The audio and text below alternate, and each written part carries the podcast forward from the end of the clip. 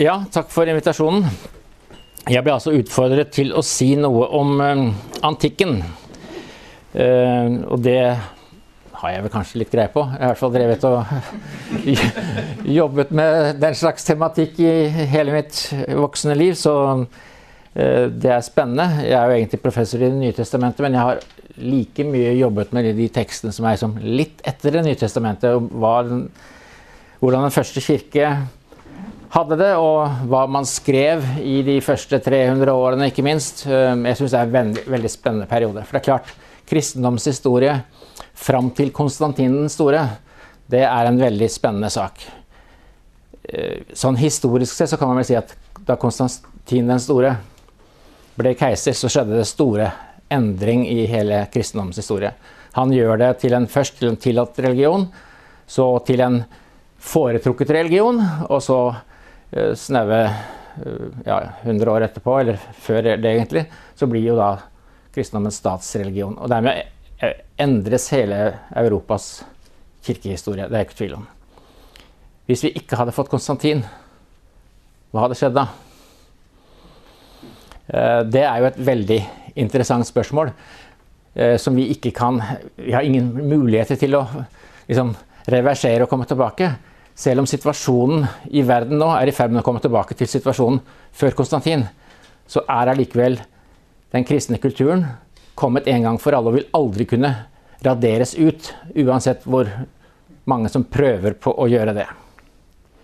Og jeg ble altså da spurt om å skrive og, og snakke om kjærlighetens overbevisende vitnesbyrd, om effekten av de kristnes liv og moral i antikken.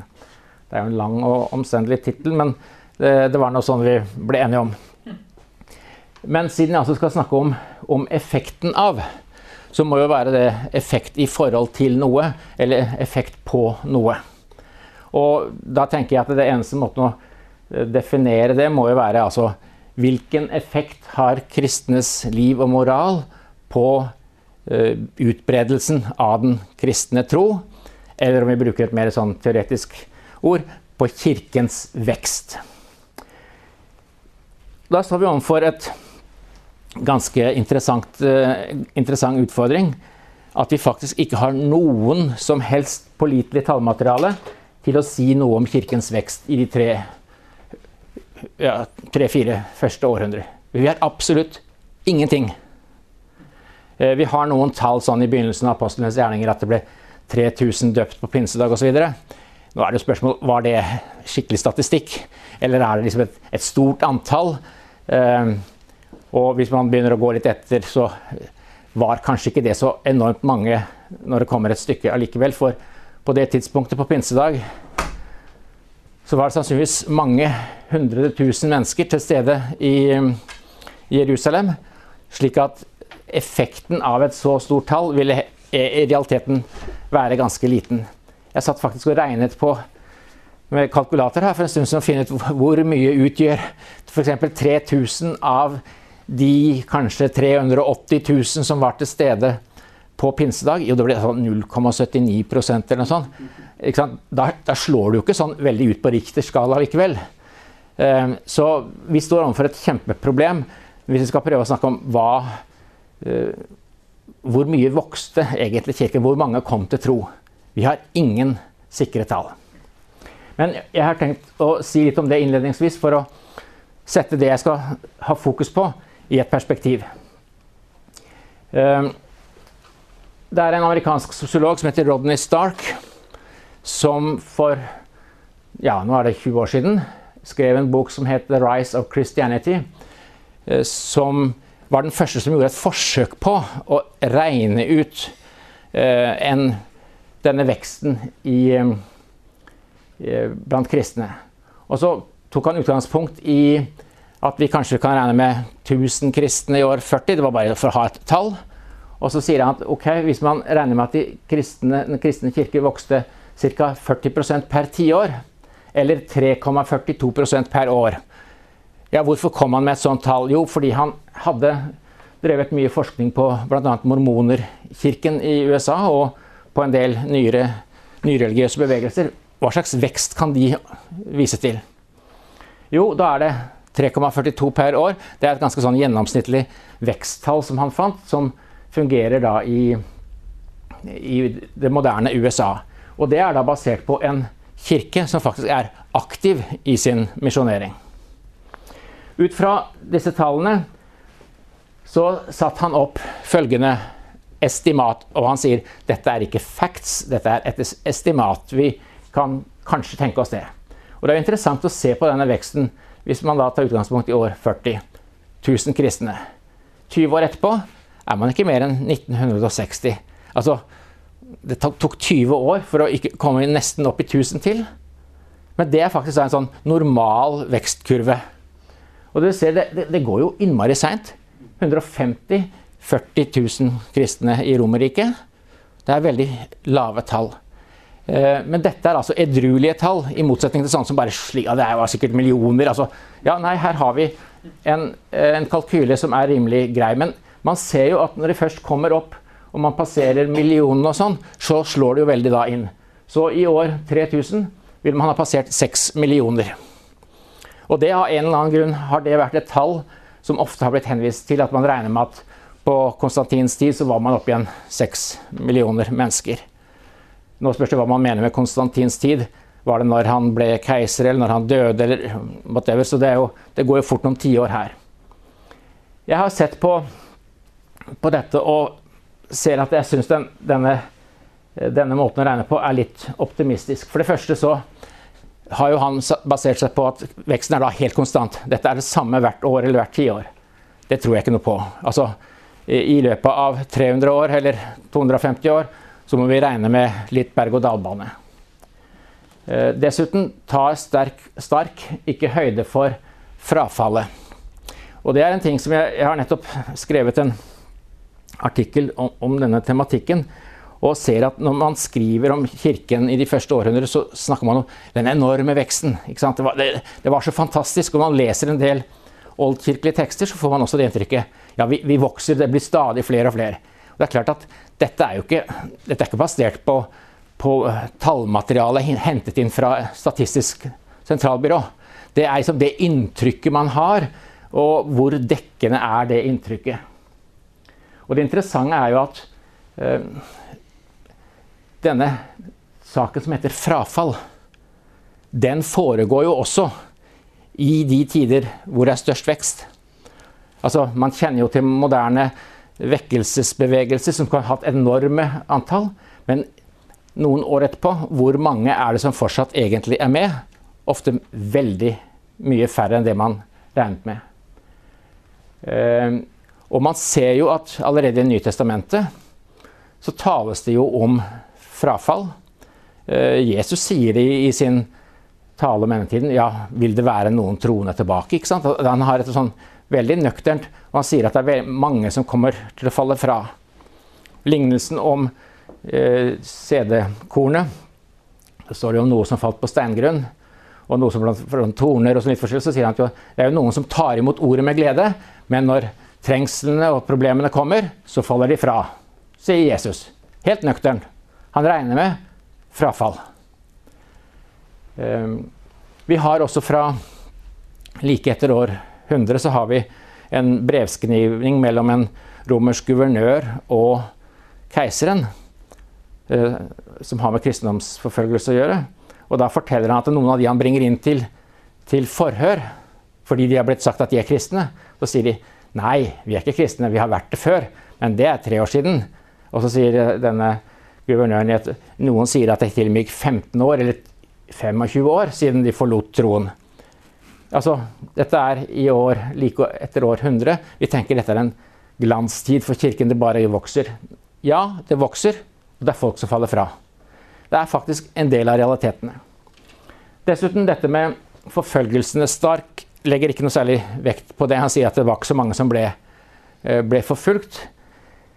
Men, eh, og det er riktig, det er ikke på langt nær sånne enorme tall som noen uh, gir inntrykk av. Det dreier seg om tusener, men ikke sånne titusener. Vi har ikke noen grunn til å tro at disse, beløp, disse tallene var så enormt store. Dessuten er det en vanlig myte som går tilbake til oldkirken, at martyrenes blod er kirkens sæd. Altså når folk blir forfulgt, så fører det bare til vekst eh, blant de kristne. Realiteten er ikke sånn.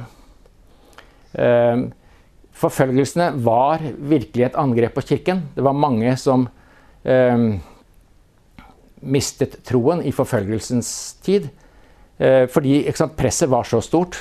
Du, måtte, du ble virkelig utsatt for et press, og da var det mange som fant at alternativet å ok, tilbe keiserens bilde å leve, så er det bedre enn å dø. Det er ikke alle som er like frimodige i forfølgelsens stund. Altså, vi, vi, må ikke tro at det er så enkelt.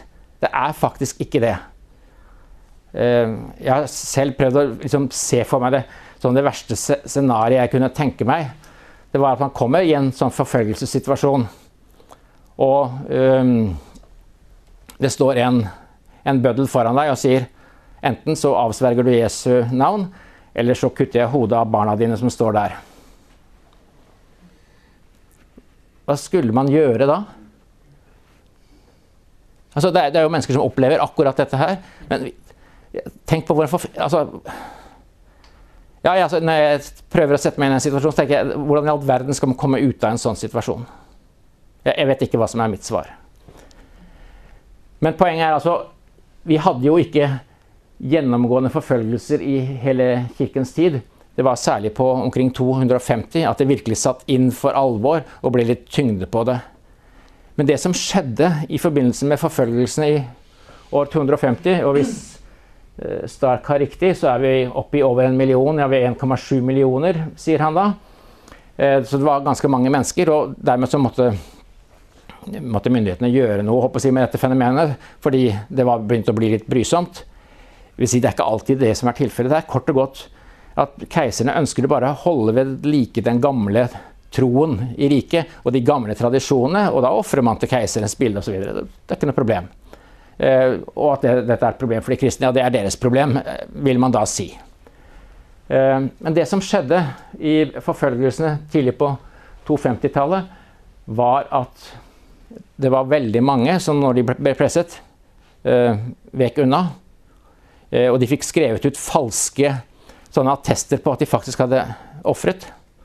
Så de begynner altså å bestikke folk. Det er ikke en særlig kristen god dyd, tror jeg.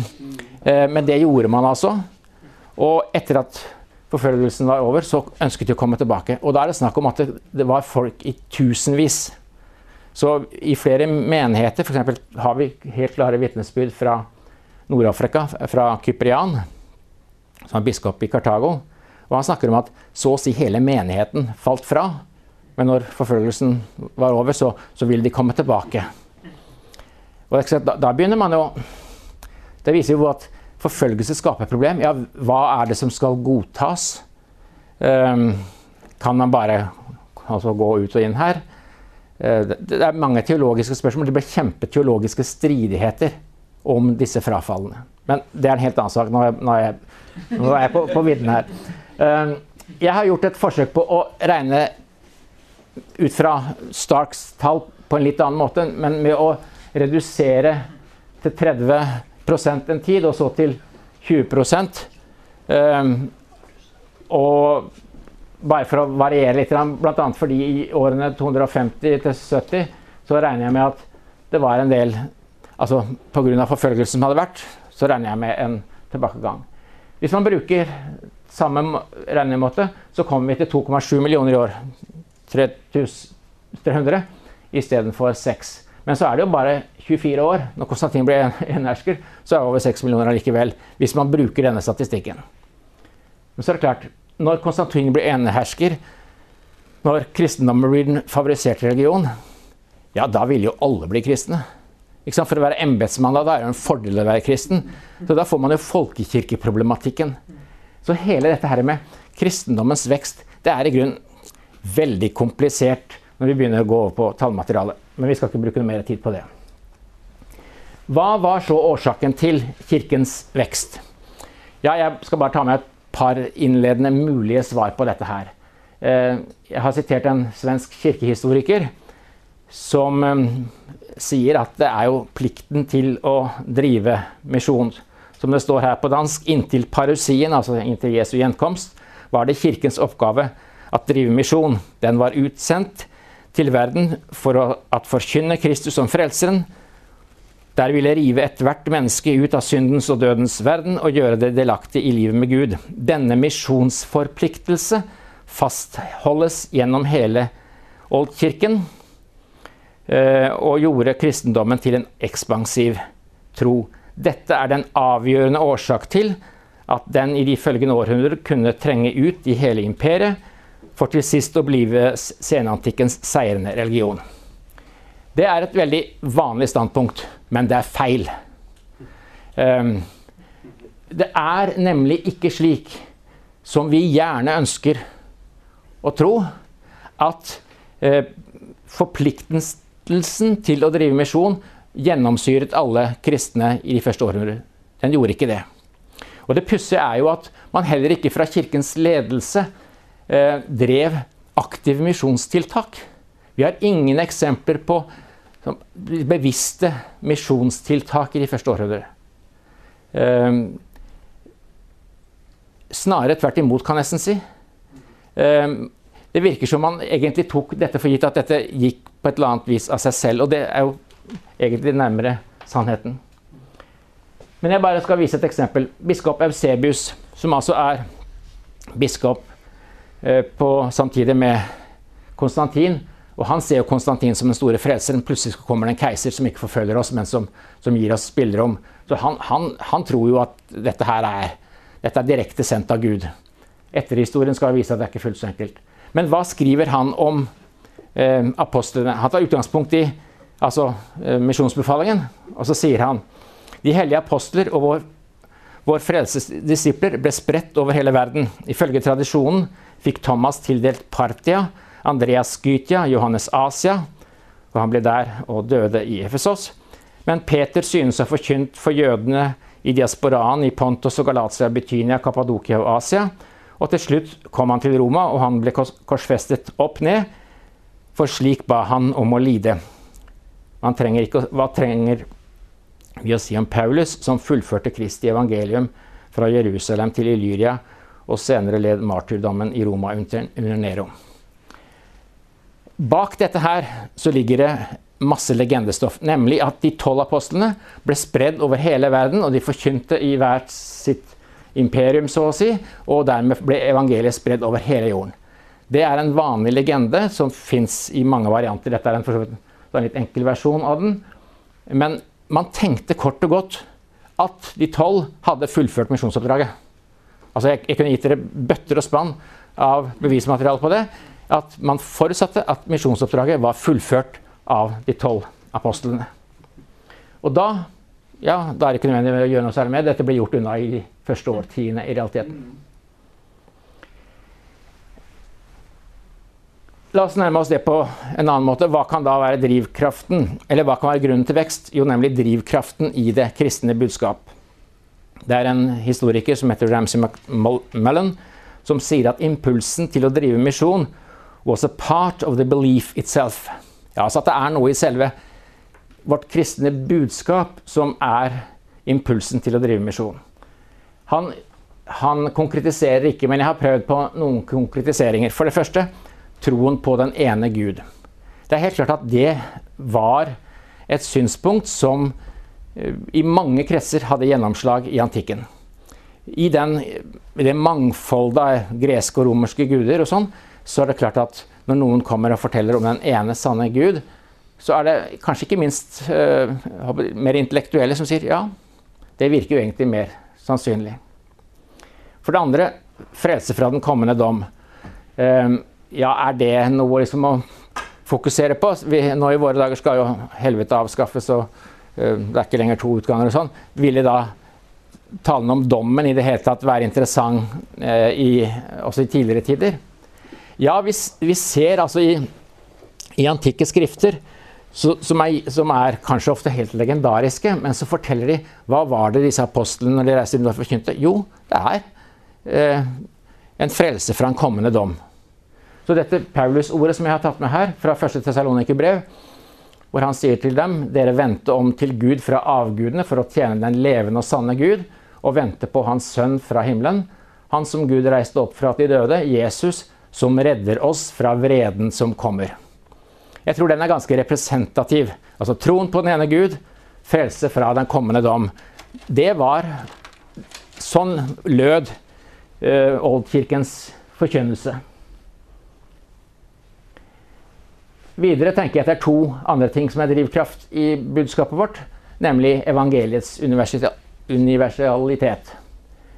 Paulus sier det sånn veldig uttrykkelig Gud er jo ikke bare jødenes gud, han er alle folks gud. Og Det er jo, det er jo en, en, driv som har vært der, ikke minst fra Paulus sin tid. Paulus gjør jo at kristendommen endrer seg fra å være en jødisk sekt til å bli en verdensreligion. Det var, det var mange som ikke hadde noen problemer med det de kristne sto for at de mente at ok, han her er Messias. Ja vel, vi tror kanskje ikke at han er Messias, men hvis dere ellers lever sånn som før osv., så, videre, så er det uproblematisk. Men Paulus ser jo at evangeliet sprenger grensene. Det er ikke slik at dette budskapet og dette løftet bare er for jødene, men også for hedninger. Og dermed er plutselig horisonten blitt utvidet. Det er jo en kjerne i det kristne budskapet. Og det er klart, det virker jo misjonerende, så å si. Og for det fjerde nestekjærlighetsbudet. Du skal elske din neste som deg selv. Eh, nestekjærlighetsbudet er ikke unikt for kristendommen, men det er jo en veldig kraft i det.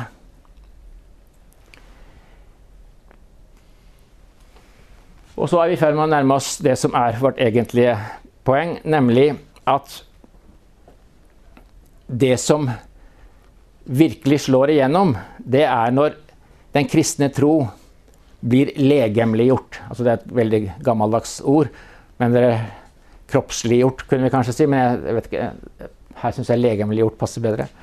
Um, denne Rodney Stark som jeg nevnte innledningsvis, han sier at uh, Central doctrines of Christianity prompted and sustained attractive, liberating and effective social relations and organizations.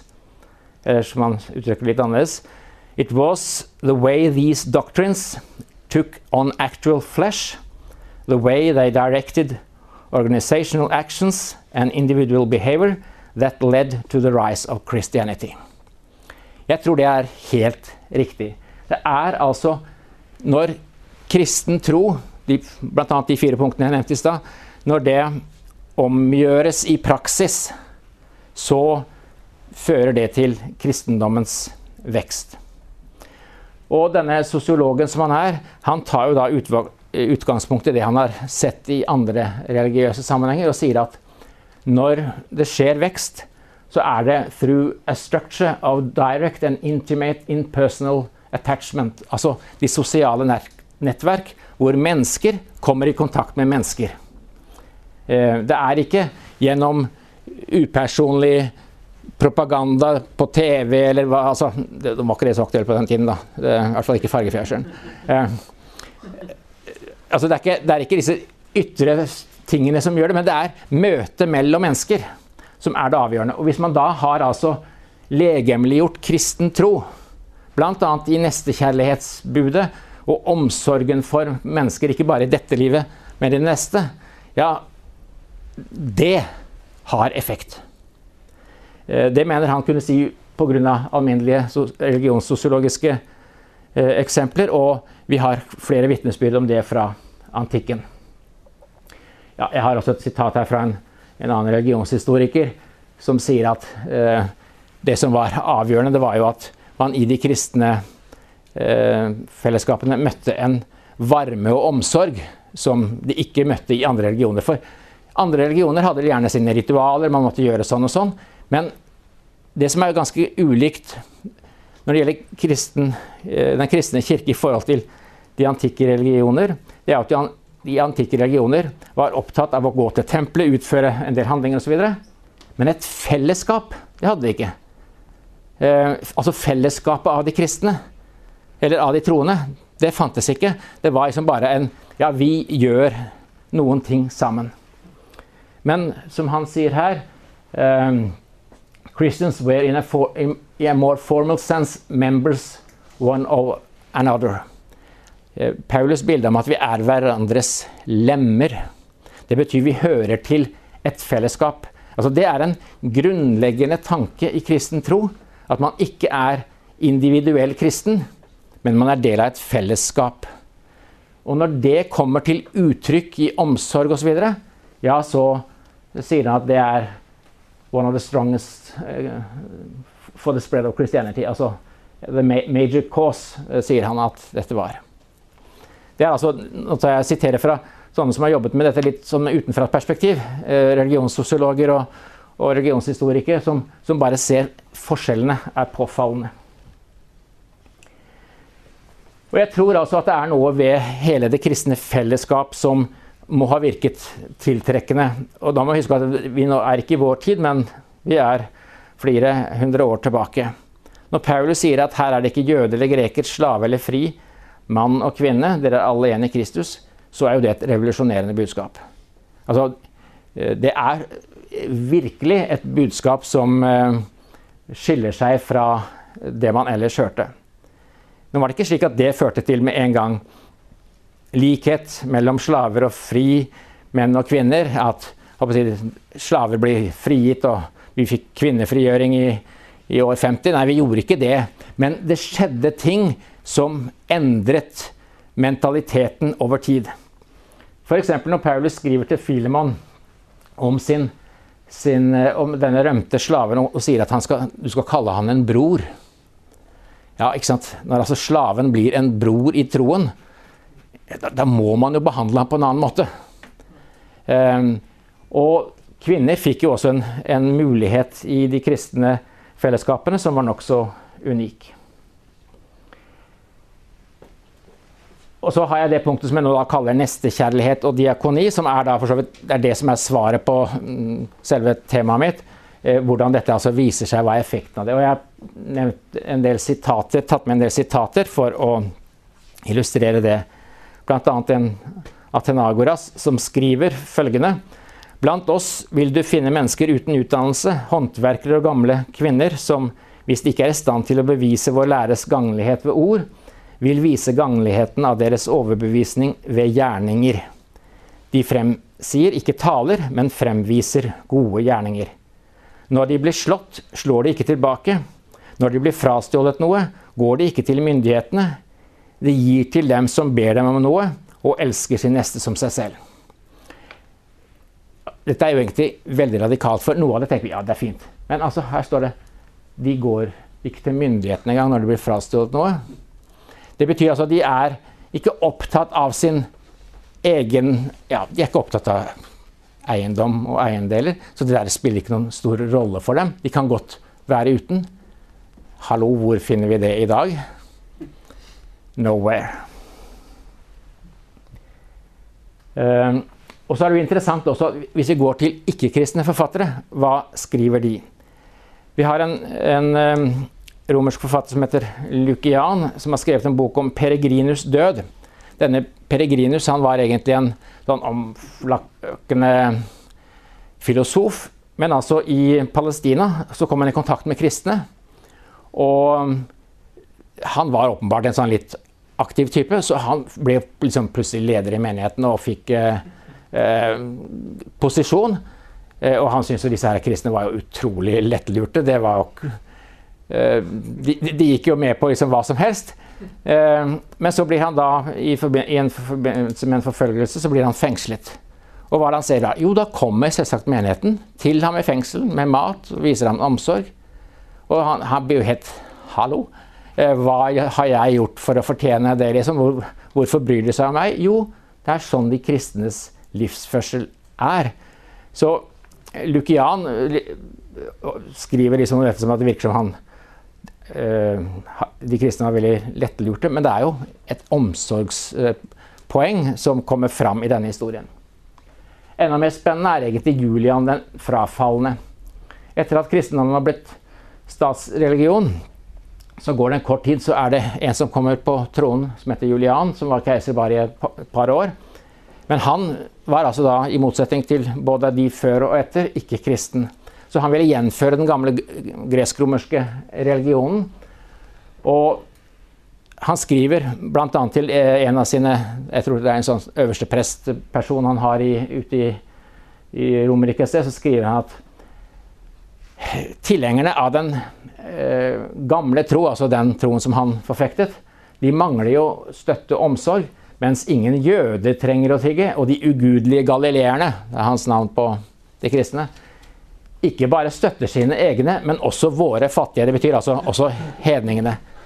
Ehm, det viser altså en, en omsorg utover eh, de indre rekker. Og denne Julian skriver videre eh, han, han må jo innrømme at de kristne skiller seg positivt. Eh, de kristnes godhet overfor fremmede, deres omsorg for de døde, dødes graver og den tilsynelatende helligheten ved deres liv har gjort mye for å øke antallet ateister. Altså, Ateist i hans øyne, det er kristne. Det er de som ikke tror på de gamle romerske gudene. Så han ser jo at den omsorgen han viser, det hellige livet Han prøver liksom å bagatellisere det, men han, han innser jo at det er et hellig liv. Og han sier jo litt seinere jeg tror at vi fullt og helt burde praktisere deres gode gjerninger. Han ser altså de idealene som preger de kristne. Ja, de er jo mye bedre. Han er veldig antikristen, men han ser disse har en bedre vare å selge for å si det sånn, enn det vi har. Vi burde følge deres eksempel. Så han prøver å sette i gang en del sånn barmhjertighetsarbeid eh, for å vise at vi skal være like gode. Men det funka jo ikke. Det var de kristne som fikk dette til å fungere. Eh, det er også interessant, hvis vi går tilbake til en kristenforfatter, nemlig Justin, som 200 år før Julian skriver om mennesker som vendte seg fra et liv i vold og tyranni fordi de ble overmannet, enten ved av måten deres naboer levde på, eller ved den merkelige tålmodigheten som preget de som ble påført skade, eller ved å erfare deres ærlighet i forretningsaffærer. Altså Han legger merke til hvordan kristne oppfører seg annerledes enn eh, enn folk flest. De har en annen måte å tilnærme seg problemer og det er jo interessant også, de er ærlige forretninger. Altså Til alle tider har noen prøvd å snyte på vekta og få det i sin favør, men kristne fremsto som folk som solgte det de sa de solgte, og tok de pengene som de hadde rett på.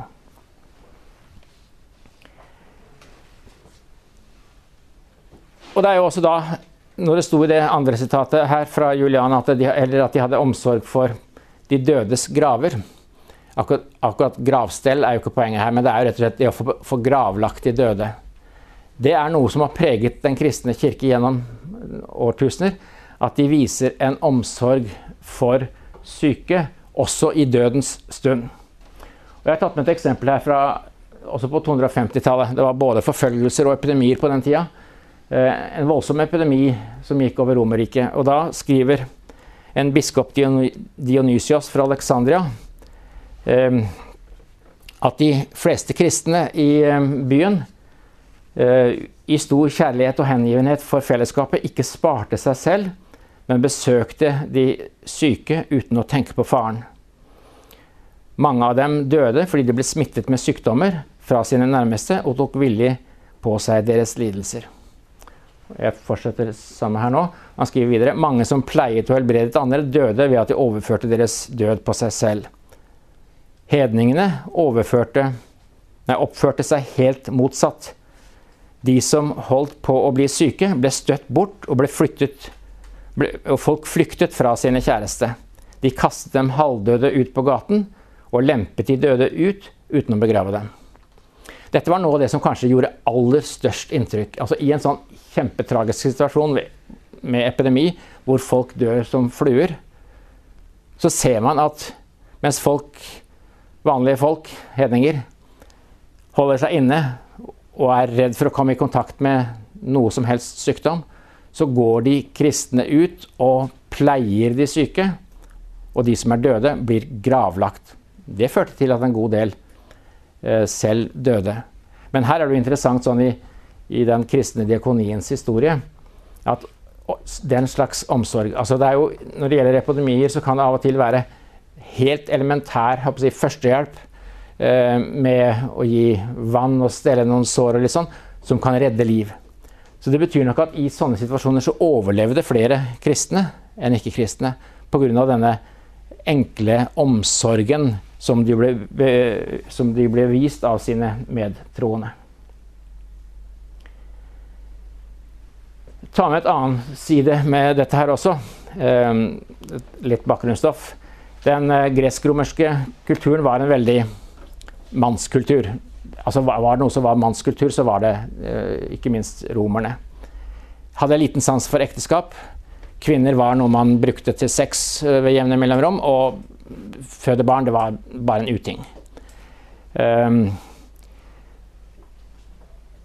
og det var et problem for romerske myndigheter. altså Flere keisere prøvde faktisk å innføre lover som skulle tilskynde ekteskapsinngåelse og barneavl, men uten å lykkes.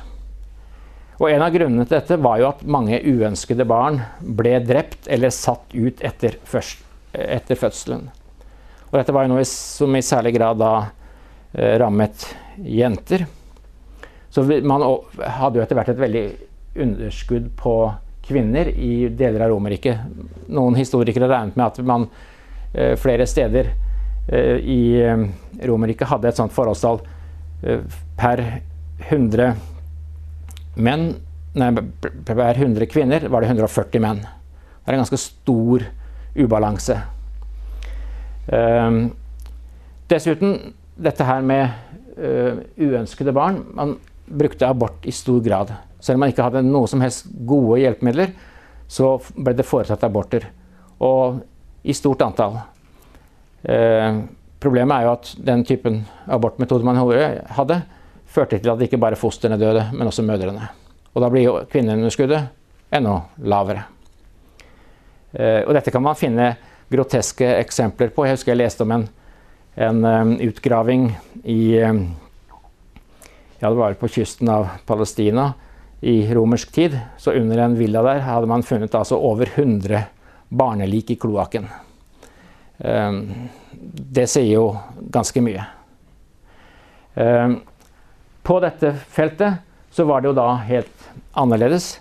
For det første sto ekteskapet høyt i kurs, og man var enig om at dets primære formål var å avle barn. Det må man nok si. Altså, nå er det ikke bare det. det ofte fremstilles dette veldig ensidig. Eh, men man var klar over at det å uh, få barn var en viktig side ved ekteskapet. Og dessuten så drepte man jo ikke småbarn, og man foretok ikke abort. Det er interessant at et av de aller eldste kristne skrifter vi har utenom Det nye testamentet, som heter Didache, det betyr lære, eller De tolv apostlers lære, som det også kalles. Der sies det helt eksplisitt, i forbindelse med at man har listet opp en god del av de vanlige budene vi kjenner fra, fra Moseloven, så står det du skal ikke drepe et foster ved abort. Heller ikke skal du drepe et nyfødt barn. Dette går igjen i mange kristne skrifter.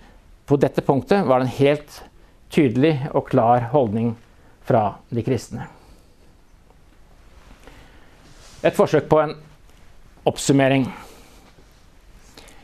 Jeg skulle også snakke om effekten av um, kjærlighet og barmhjertighetsgjerninger. Når man ser, som jeg sa, at eh, kirkens vekst Eh, den skyldes ikke bevisste misjonstiltak. Eh, hvis man spør hadde Oldkirken et misjonsprogram og en bevisst strategi for dette, så er svaret nei. Så evangeliet ble spredd ved vanlige kristne menn og kvinner i deres sosiale nettverk. Kontakten med andre mennesker i det daglige liv var det som hadde størst effekt. Og som jeg sier, da er jo den avgjørende faktor at den kristne lære ble omsatt i praksis. Eh, man sa ikke én ting og gjorde noe annet. Og det virker som selve Som jeg sa, med tanke på sammenligning med andre religioner, så var andre religioner opptatt av kult og ritualer. Eh, for mange fremsto dermed eh, kristendommen som interessant fordi den hadde et fellesskap å tilby. Altså Alle mennesker har en grunnleggende behov for tilhørighet, og det var det mange som fant i de kristne menighetene. Og da, da opplever man også at det, så ble det faktisk ikke gjort forskjell på om du var rik eller fattig, slave eller fri. Eh, slaver f.eks. har da kunnet få posisjoner i menigheten i kraft av den nådegave og de anlegg de hadde, som vil være helt utenkelig eh, i deres sivile liv ellers.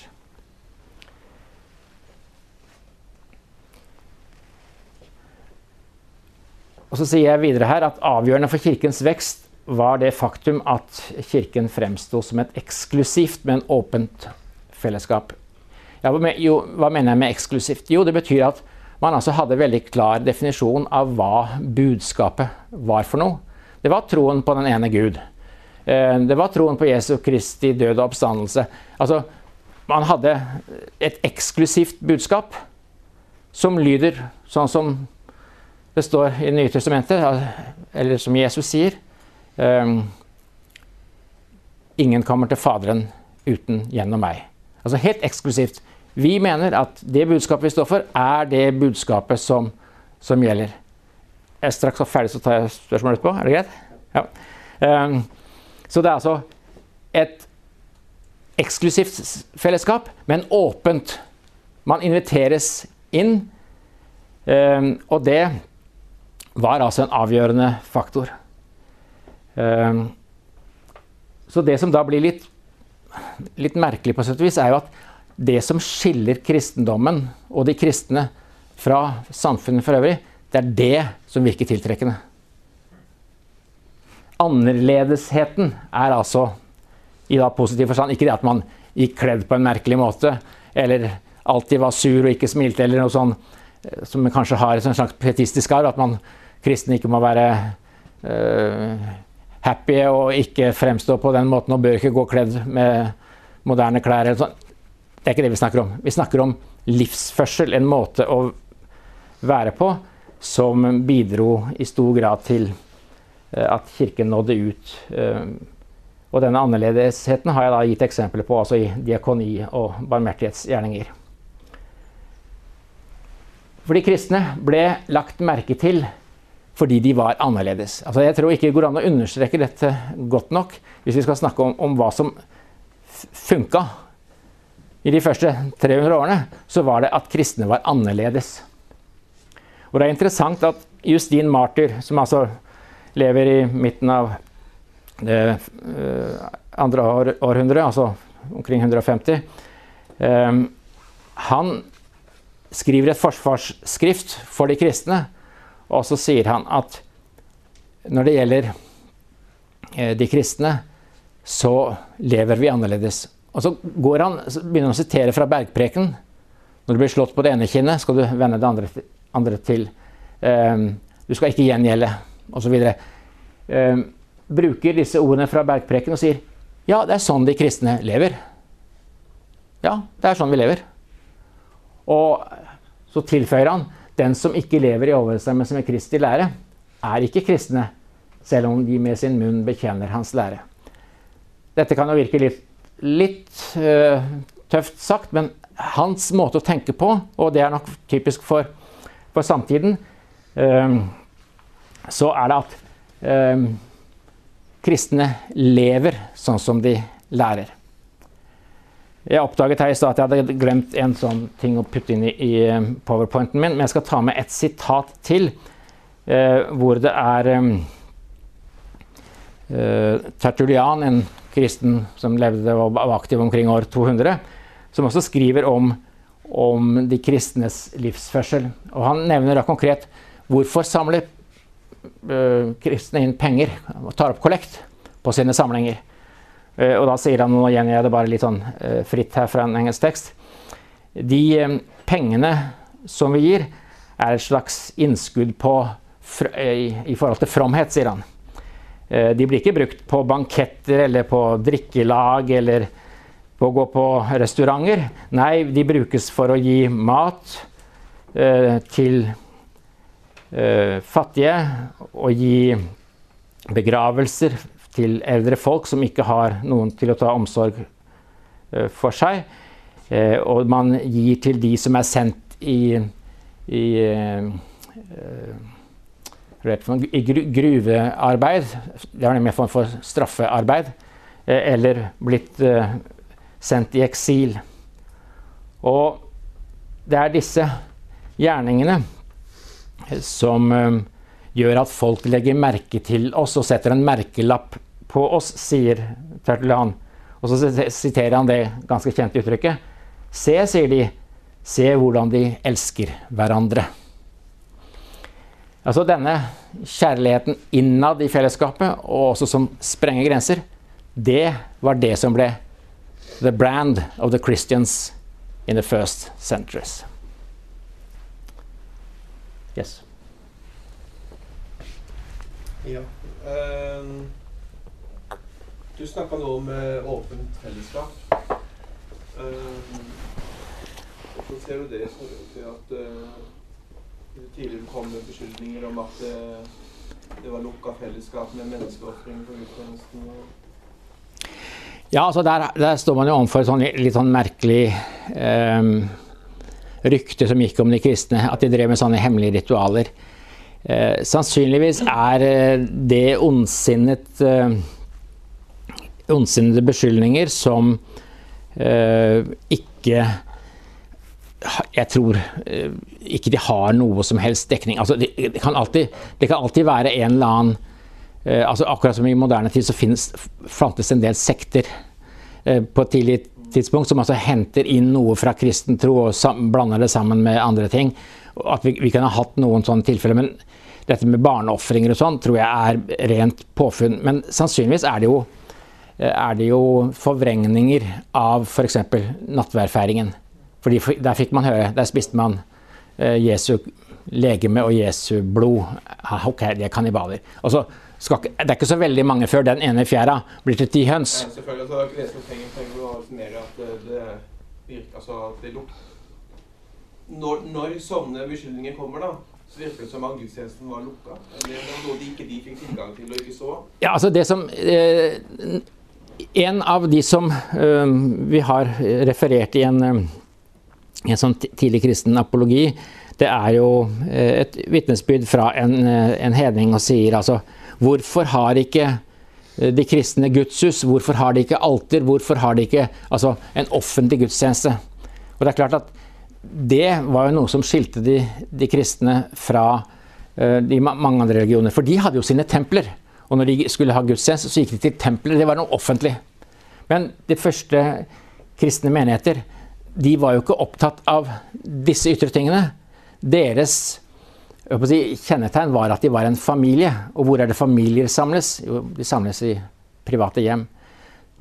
Og det betyr altså at veldig mye av det som foregikk blant kristne, det foregikk i private hjem. Og dermed så fikk de ikke denne offentlige karakteren før vi kommer eh, i hvert fall et godt ut på ja, 250-tallet. Og sånn, da begynner vi å høre rykter, eller vi har kilder, som forteller om at det ble, det ble bygget egne kirkehus.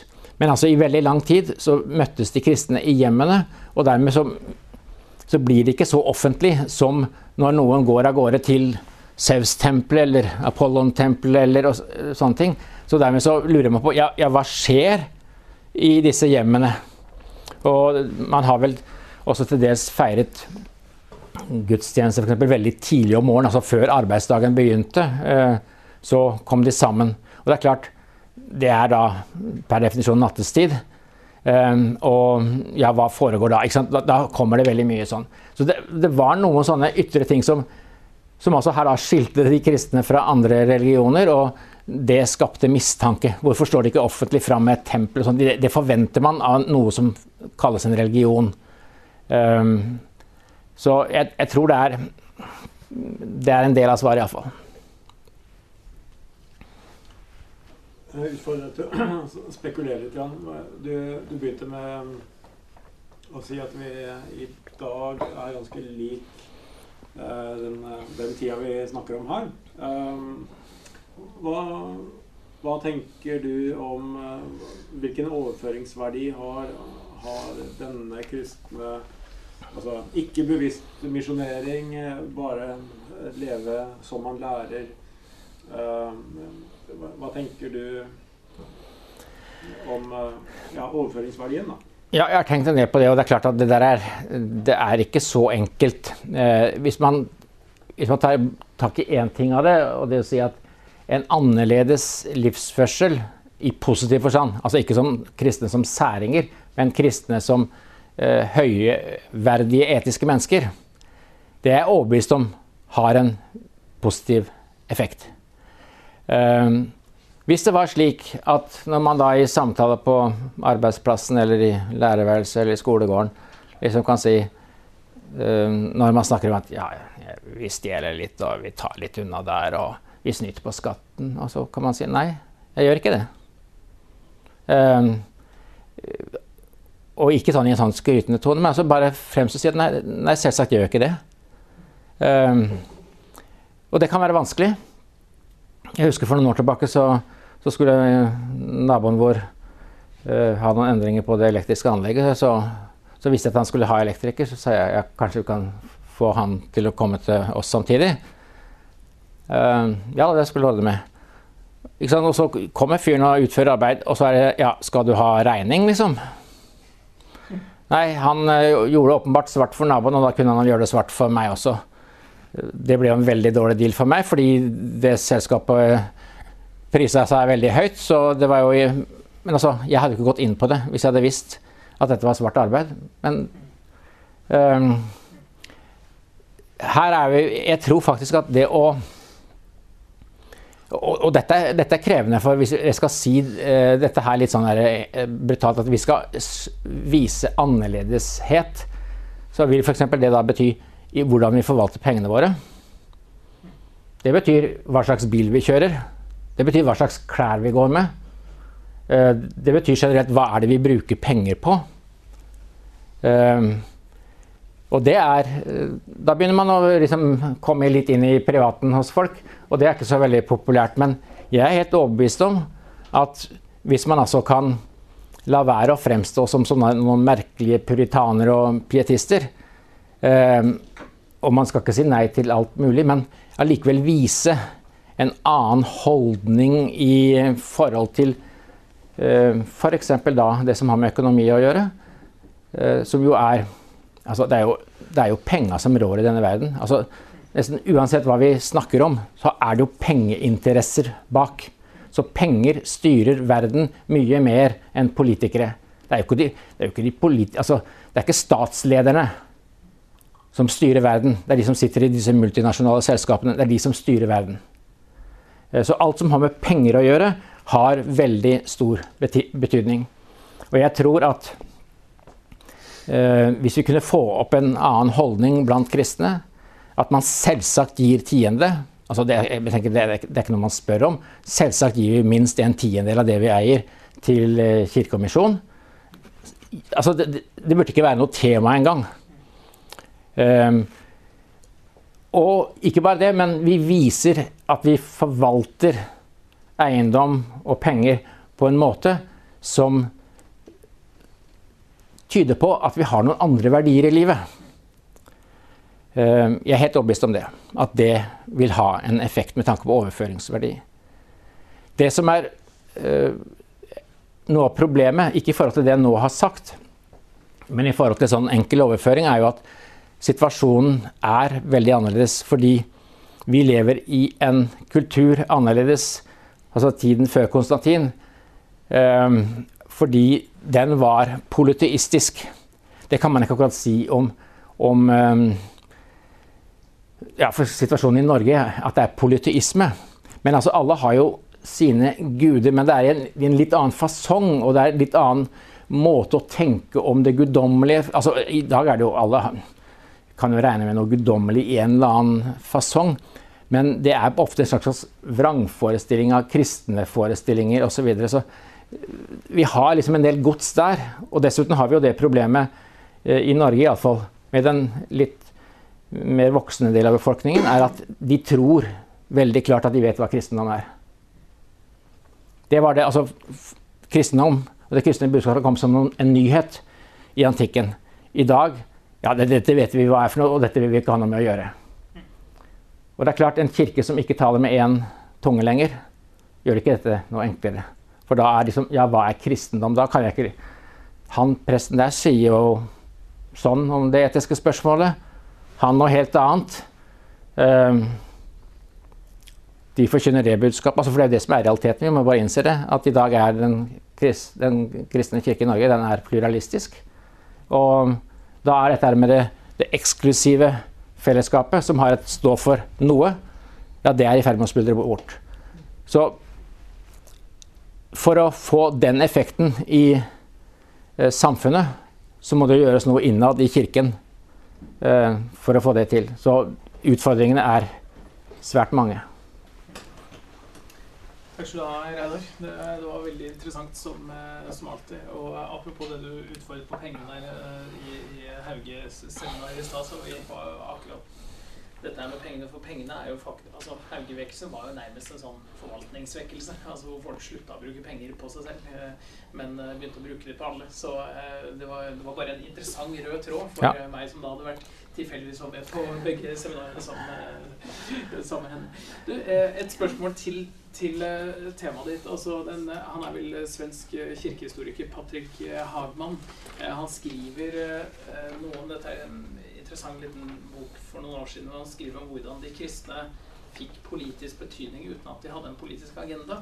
Og han peker da på to ting. altså Det, det ene er det som du var inne på, Galaterne 328, og likeverdigheten i forsamlingene, som han mener var ja, han, altså Det er vel å slå inn åpen dør og si at det var, en, det var noe kvantitativt nytt eh, på den tiden. Eh, og det andre var det faktum at ikke de ville bøye kne for keiseren. For at det eh, implisitt rokka ved hele samfunnsordenen når eh, det er en gruppe mennesker Altså jødene var jo unntatt eh, på sitt vis, men at eh, det de tenkte på som hedninger ikke gjorde det, det var helt spesielt. Uh, og jeg syns jeg ser noe av det samme det du sier, men det var bare interessant å få din kommentar på det. Om det på en måte kan kan det stemme ut fra deres forskning at det også fikk på en måte, samfunnsmessige konsekvenser? Ja, det, det, gjorde jo det. fordi altså, det er klart, det, Når vi får de store forfølgelsene på omkring 250 og de som kommer omkring 300, da er det jo voldsomme forfølgelser.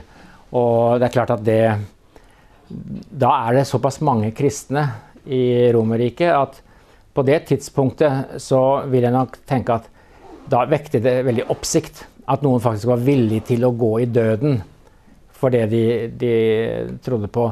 Så selv om jeg tror på et tidlig tidspunkt så, så ble martyrer sett på som gærninger. Altså, de er jo helt spennville som, som, gjør det der.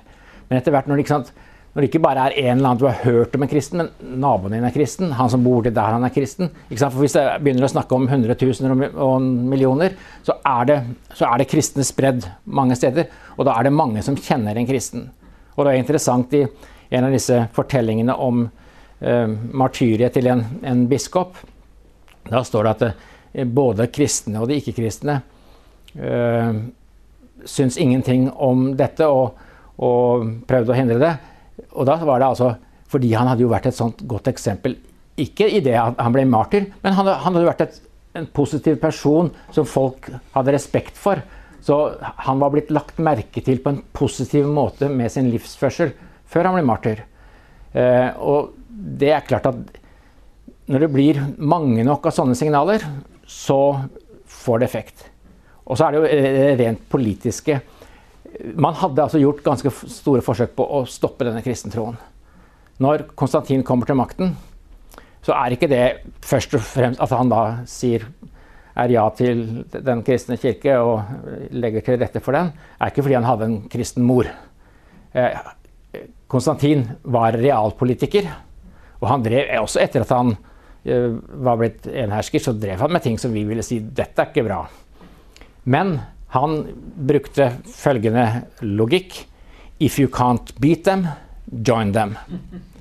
Så han så at da var, da var antall kristne så stor, det var blitt en så stor innflytelse i samfunnet, at det faktisk lønte seg å være på lag med dem. Eh, og sånn politisk sett så var det jo det. Om dette har vært til velsigning for Den kristne kirke, det er et mye mer komplisert spørsmål, for det er så mangetydig. Én ting er å få makt, men makt er farlig, og det har hele kirkens historie vist at det er faktisk veldig farlig.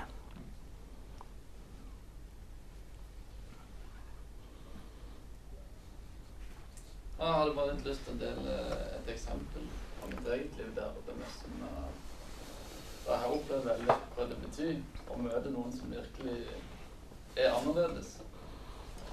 Og iallfall for å gjøre det veldig kort, så ble jeg tatt for et grovt innbrudd og misbruking av kredittkortet, hos AIM. Og så var det mer noen kompiser som vi var samla hjemme hos oss med foreldrene og alt, og så skulle vi møte han. Og vi hadde jo veldig forventning, og jeg så jo for meg nå kommer en som er rasende og sint. Og, men inn kom liksom han, og det første han gjør, det han tok oss i hendene, og så ville at, bede, at vi skulle bede at vi er tilgitt. Og snakka veldig om tilgivelsen og kjærligheten til Gud og sånt. Så det ble veldig sånn Og en så liksom Der er Gud, og det blir litt sånn En føler at det var ikke bare han en møtte, men at det virkelig er Gud òg. Og det er vi som større enn mennesker. Mm.